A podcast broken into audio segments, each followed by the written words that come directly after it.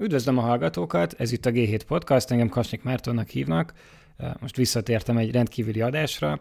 Az amerikai elnökválasztásról lesz szó, ami elvileg ma éjjel van. Valójában azonban ennél egy picit bonyolultabb a helyzet. Hogy kibontjuk ezt a témát, a vendégem Pap Iván, a Diofa alapkezelő üzletfejlesztési vezetője. Szia Iván! Szia, köszöntöm én is a hallgatókat. Szerintem kezdjünk 2016-tal, mert ez egy, ez egy eléggé emlékezetes választás volt.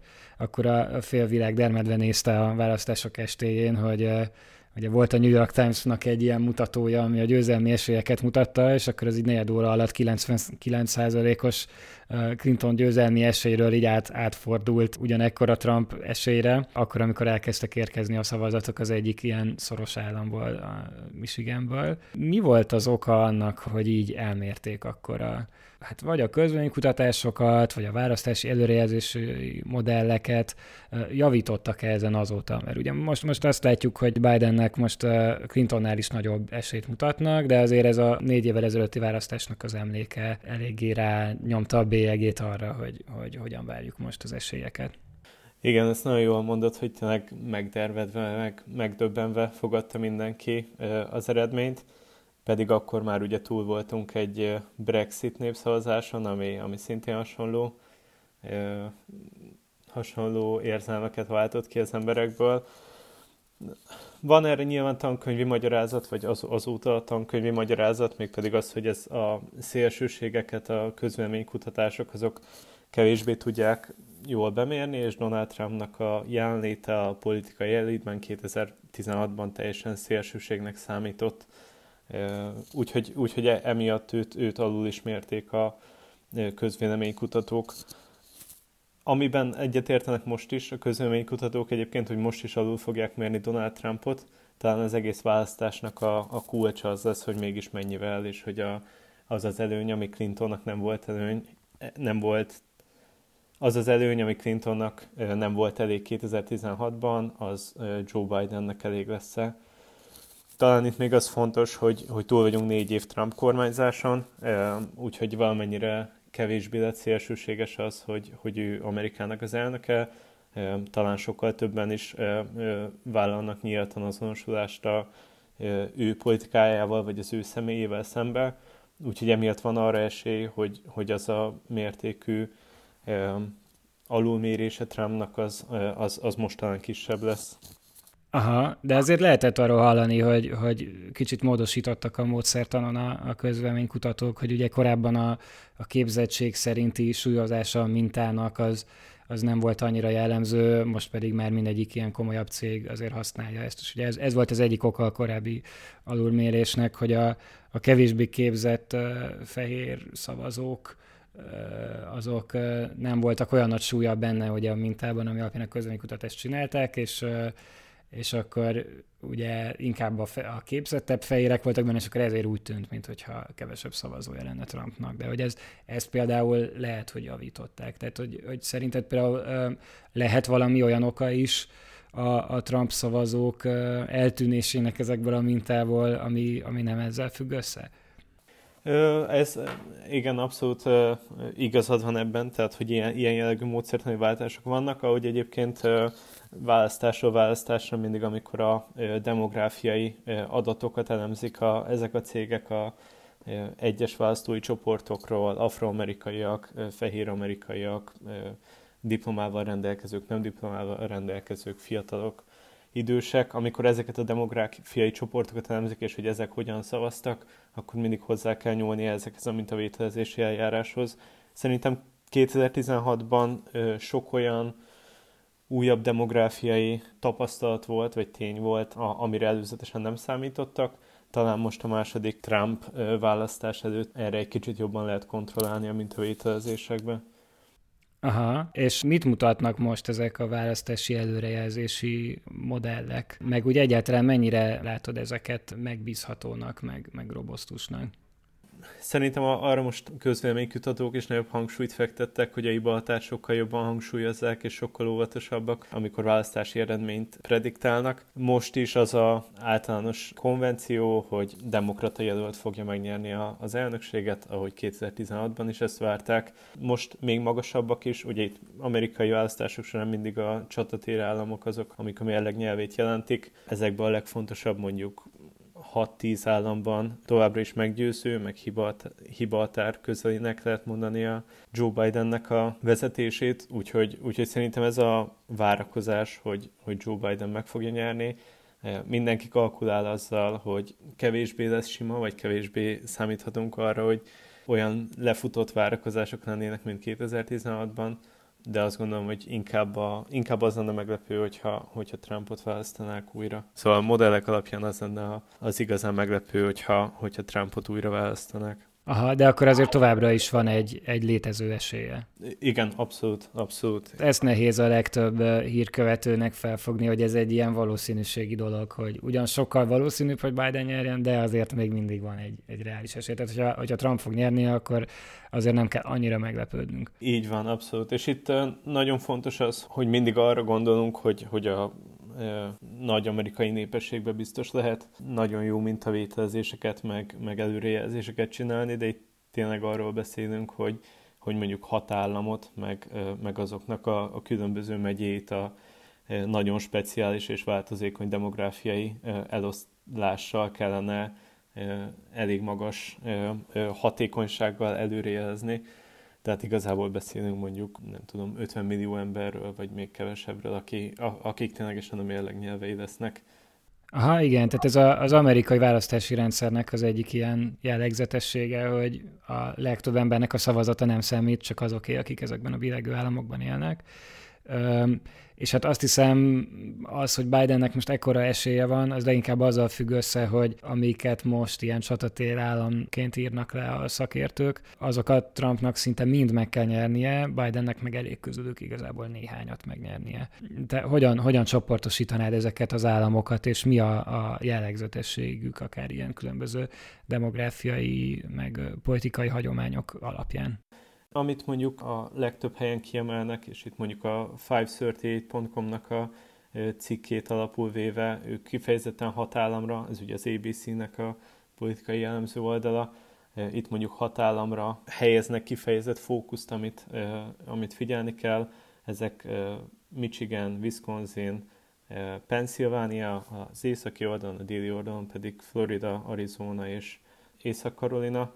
Ezekből az összes államban a 2020-as mérések szerint Joe Biden vezet, legalább két ponttal, Michigan, Wisconsinban ott 7 pont feletti, tehát azokat már ö, ö, statisztikai hibán kívülinek is ö, ö, lehet tekinteni, ö, és ebben mindegyikbe fordítania kellene ö, Trumpnak a, a mérésekhez képest. Ez ugye sikerült neki 2016-ban, fontos, tehát amíg mondjuk egy mondjuk Floridába 0,7 pontos Clinton előny mérte 2016-ban, a végére Trump nyert 1,2 ponttal, de mondjuk a, a legmegdöbbentőbb az a korábban már említett Michigan volt, ahol 4,2 pontos előny mértek Clintonnak, és, és plusz 0,2-re jött be a végeredmény a Trump javára. Úgyhogy nagyon, nagyon érdekes. Itt a, a csoportosítás, amit, amit mondjuk használni lehet, az az a, a, három északi állam, Michigan, Wisconsin és Pennsylvania-nak a egyik csoportba helyezése. Itt nagyjából hasonlóak a demográfiai viszonyok, magasabb, magasabb erőnyt is mérnek Bidennek, Michiganben most az aktuális eredmények 800, 8 pontos előnyt, Wisconsinban 7 pont, 7,1-es előnyt, Pennsylvániában pedig 5,3-as előnyt mutatnak.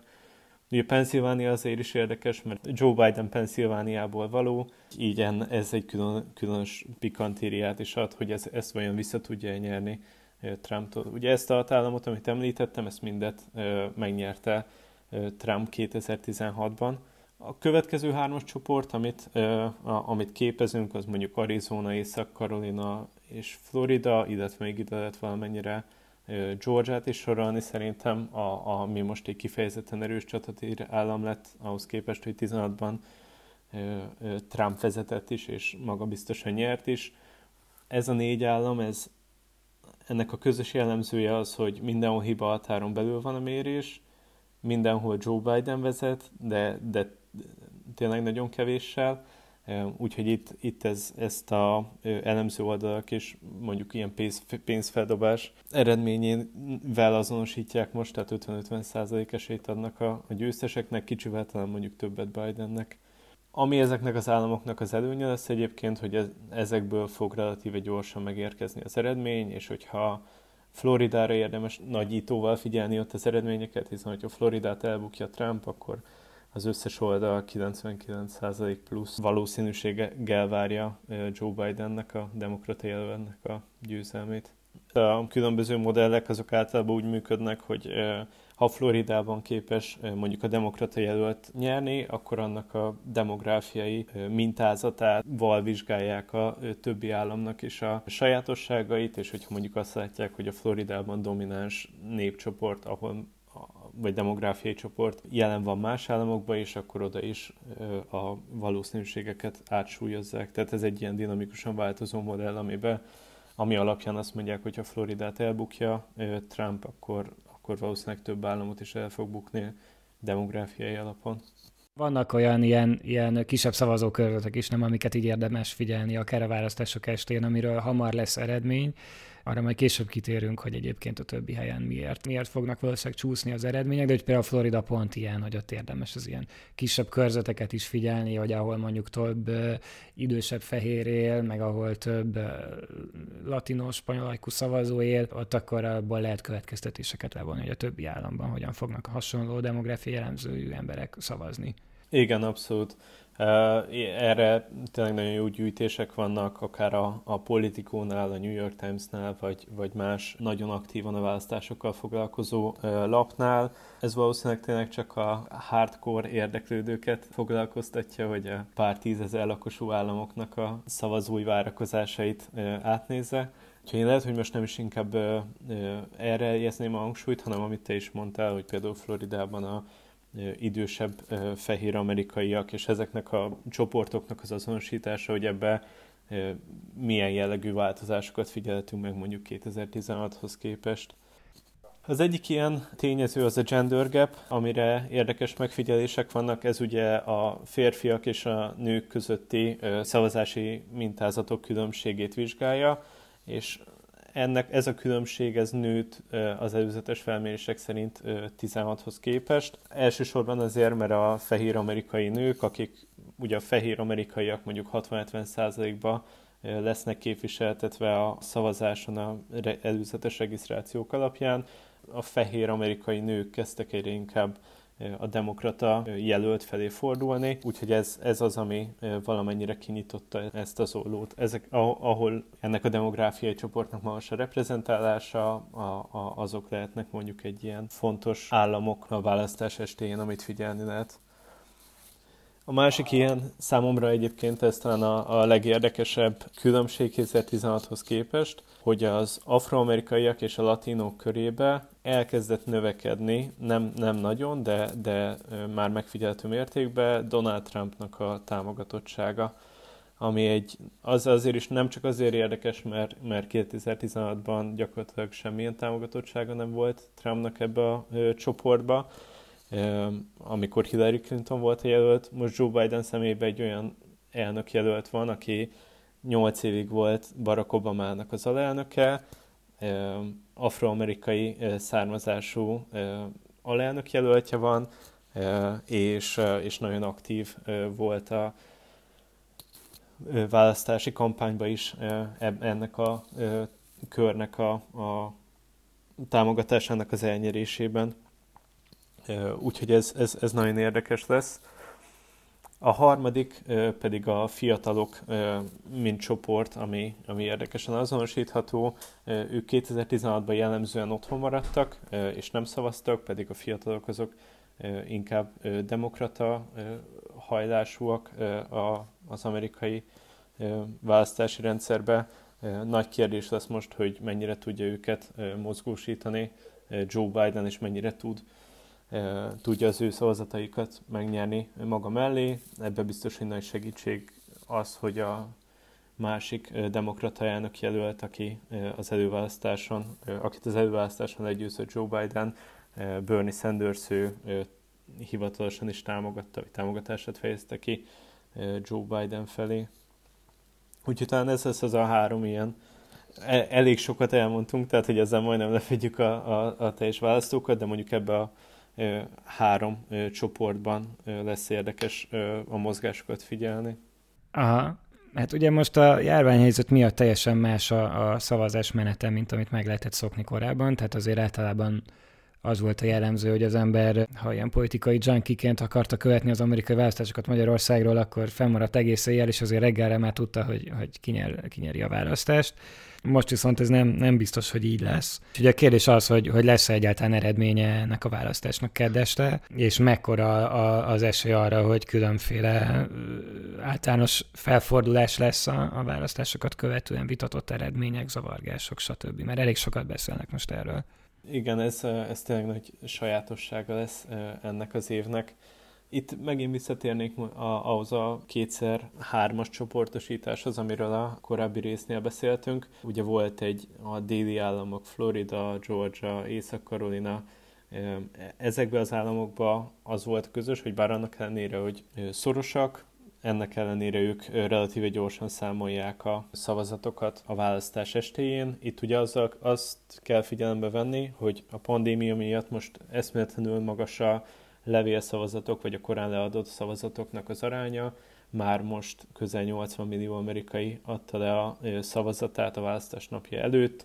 Ez a 2016-os választási részvételnek több mint az 50%-a és a, erre az nem szövetségi szabályozás van, hanem állami szintű szabályozás, hogy mikor, milyen formában fogadják be a levélszavazatokat, előzetes szavazatokat, amíg mondjuk Floridába úgy szabályozza ezt a, a, a helyi hatóság, hogy a, aznap beérkezett szavazatok azok, amiket figyelembe vennek, vesznek, addig például Pennsylvániában azokat a szavazatokat is érvényesnek tekintik, ami azon a napon került feladásra, amikor a szavazásnak a napja van, és akkor itt gondolatunk arra, hogy van olyan szavazat, ami mondjuk akár négy-öt nappal később érkezik be, mint a választásnak a napja. Azért, mert ennyire magas a, a levél meg az előzetes szavazatoknak az aránya, ezért egyértelmű eredmény csak akkor lehet mondani, hogyha valamelyik jelölt nagyon nagy különbséggel nyerne. Tehát, hogyha mondjuk az derülne ki valahogy, hogy Joe Biden alulmérik,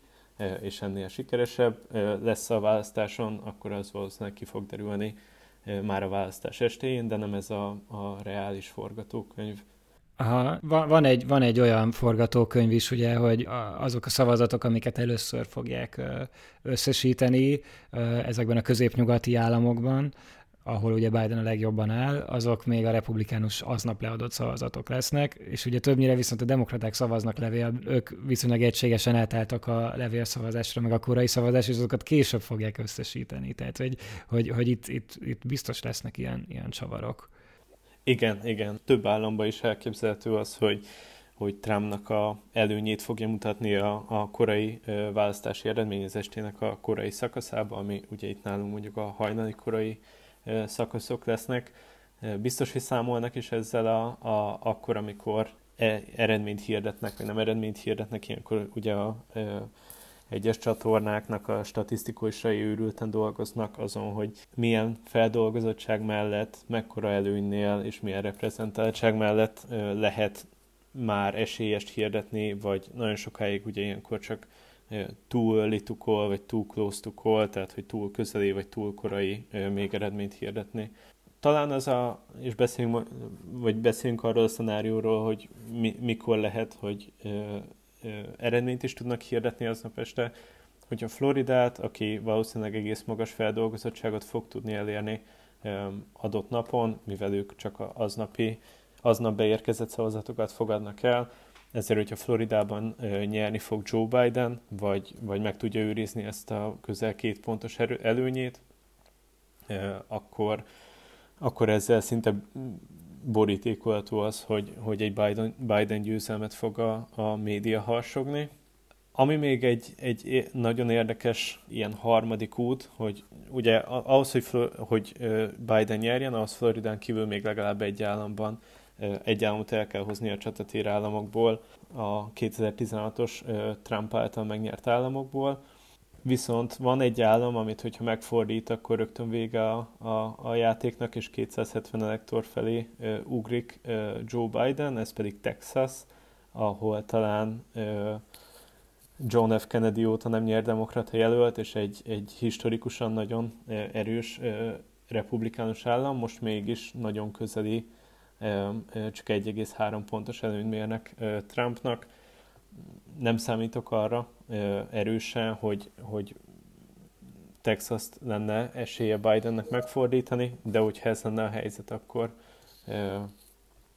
akkor, akkor rögtön eredményt is lehetne hirdetni, mert már aznap 270 elektor felé lenne jutna Joe Biden és akkor valószínűleg egy ilyen földcsúszamlásszerű győzelem lenne a demokratáknak, mert, mert demográfiailag ez, ennek nagyon sok implikáció lenne, és nagyon sok hajlongó republikánus állam is valószínűleg. Viszont a másik oldalon nézzük az esélyeket, az, hogyha Trump nyer, az nagyon nagy eséllyel nem fog kiderülni keddeste, hiszen neki viszont meg kell nyernie Pennsylvania államot is, hogyha, hogyha győzni akar.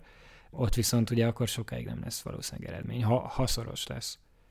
Így, így van. Valószínűleg Pennsylvania lesz az, amin, amin ö, ö, kora reggeli órákban mindenki ö, ö, várakozni fog, hogy ott mennyire ö, szoros az eredmény, ö, illetve hogy mennyire magas feldolgozottságig tudnak eljutni.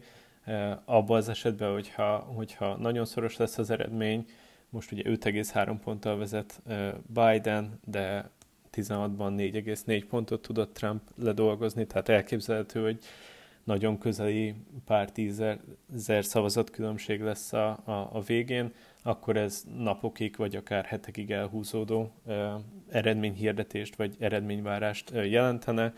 Ilyen mondjuk legutóbb 2000-ben volt, amikor ö, floridai eredményeket vártak, az, az egy ö, ö, állam döntötte el, hogy ki lesz az elnök, és ott volt újra számolás, és már nagyon közeli volt a ö, ö, eredmény, talán 800 szavazat volt az egyik megyébe a különbség, ami, ami át tudta volna fordítani az eredményt.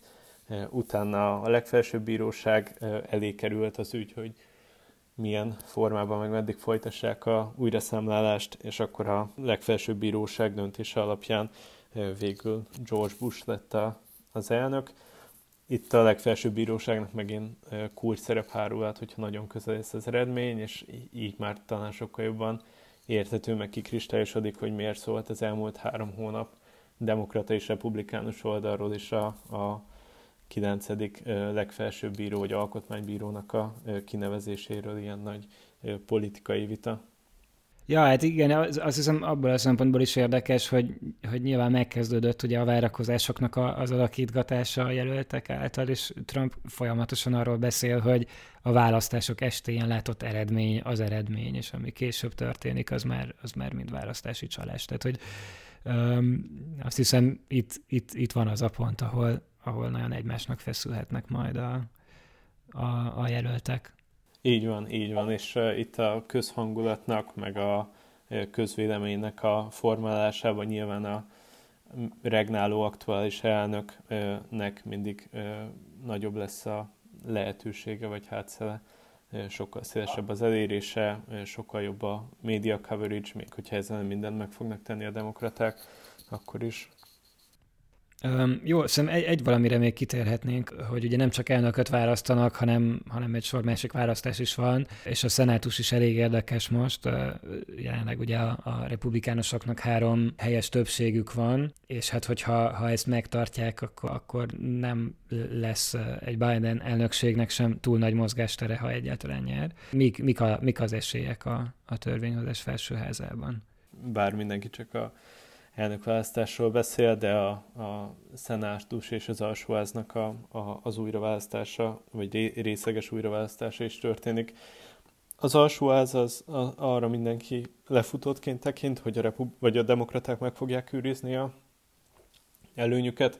A szenátusban viszont több republikánus hely lesz most újraválasztás tárgya, mint demokrata, így ezáltal többet kell megvédeni a, a republikánusoknak, ami nyilván csak akkor fog működni, hogyha az általános választáson is ö, ö, kellően jól szerepelnek. A, ami csatatér államokat említettünk, egyébként szinte mindegyik érintett lesz ö, újraválasztásra a szenátusba, például Georgiába két ö, szenátort is fognak választani, ö, de emellett több más csatatér államba is fognak. Most a, a előrejelző politikai oldalak a, azt tartják valószínűbbnek, hogy a szenátusban is átveszi a többséget a, a demokrata párt, de szerintem ez ugyanúgy, tehát hogy ez szerintem a, ami a választás kimenete lesz, az lesz a szenátus többségének a kimenete is, hogyha Biden meg tudja valósítani a, a méréseknek az eredményét, és, és őt fogja megnyer legalább két csatatér államot, akkor azokban valószínűleg a szenátorokat is megnyerik, illetve olyan szenárió azért kevésbé van, hogy csak két csatatér államot nyer meg, vagy akkor azt a kettő az, az nagyon két spéci csatatér államnak kell lennie. Mm, úgyhogy, úgyhogy a, a, az várható szerintem, hogy a, amilyen pártból jönni fog az elnök, olyan pártból fog a felsőház is többséget szerezni. Ami azt gondolom, hogy az amerikai politikának alapvetően jó, független attól, hogy valaki republikánus vagy demokrata, hiszen akkor tud hatékonyan működni a, a törvényhozás, különösen ezekben a nehéz időkben, amikor amikor a, tör, a törvénykezés vagy törvényhozatalnak a módja az hatékonyan tud működni az alsó-felsőházban, és a, a, a elnök is ennek a, a támogatója a 90-es és a 2000-es években tényleg egyedüli szuperhatalom volt a, az USA a világban, és akkor valamennyire logikus volt, hogy a világon mindenhol nagyon szorosan figyelték, hogy, hogy mi történik az amerikai politikában, de, de már azért eléggé úgy tűnik, hogy, hogy visszaszorulóban van a, a szerepe. Szerinted fontos még egyáltalán, hogy ki, a, ki az USA elnöke? Sőt, szerintem talán ebbe a helyzetbe a, a legfontosabb, amikor valamennyire újra kell definiálni a amerikai ö, külpolitikát, valószínűleg, hogyha a 70-es, 80-as évek elnökeinek mondják azt, hogy, vagy mesélik el, hogy mondjuk Ukrajnának a oroszországi terület foglalása, vagy, vagy mondjuk a kínai beavatkozás Hongkongban, vagy mondjuk Észak-Koreának a, a helyzete, ez mind olyan geopolitikai ö, ö, szintér, meg, meg olyan esemény, aminek Amerika azt gondolom, hogy 70-es, 80-as években ö, simán beavatkozott volna most viszont ezeket hát mondjuk úgy, hogy ilyen soft eszközökkel próbálták kezelni, és eléggé úgy tűnik, hogy ezek nem, tehát hogy nem, nem, érték, nem érték azokat a eredményeket, mint amit előzetesen váltak tőle. Ugyanakkor azt sem szabad elfelejteni, hogy béke van, és a amerikai politikában a 70-es, 80-as években nagyon-nagyon meghatározó volt az, hogy mennyi katonát vezényelnek külföldre, és mennyit tartanak kint. Tehát, hogy az is látható, hogy a háború az alapvetően Amerikának se jó, csak még nem találták ki azt, a, a, azt az új ö, ö, felállást, amiben ezt a hegemon szerepet fent tudnák tartani ö, katonai beavatkozás nélkül. Nem is vagyok benne biztos, hogy, hogy ilyen egyébként van, vagy ilyen egyébként létezik, hogy, hogy katonai erőfitoktatás nélkül lehetne státuszkót fenntartani. Viszont nyilván most ez a nagyhatalmi erőfitoktatás, ez nem csak fegyverkezési versenyt jelent, hanem nagyon sok technológiai és K plusz F fejlesztést is jelent, ami, amik különböző szinten tudják befolyásolni, meg, meg hatalmat biztosítani az országoknak, tehát hogy ne, nem kell feltétlenül arra gondolni, hogy itt rövid időn belül háború lesz, hanem más eszközökkel is lehet hatalmi erőfitoktatást véghez vinni. Aha.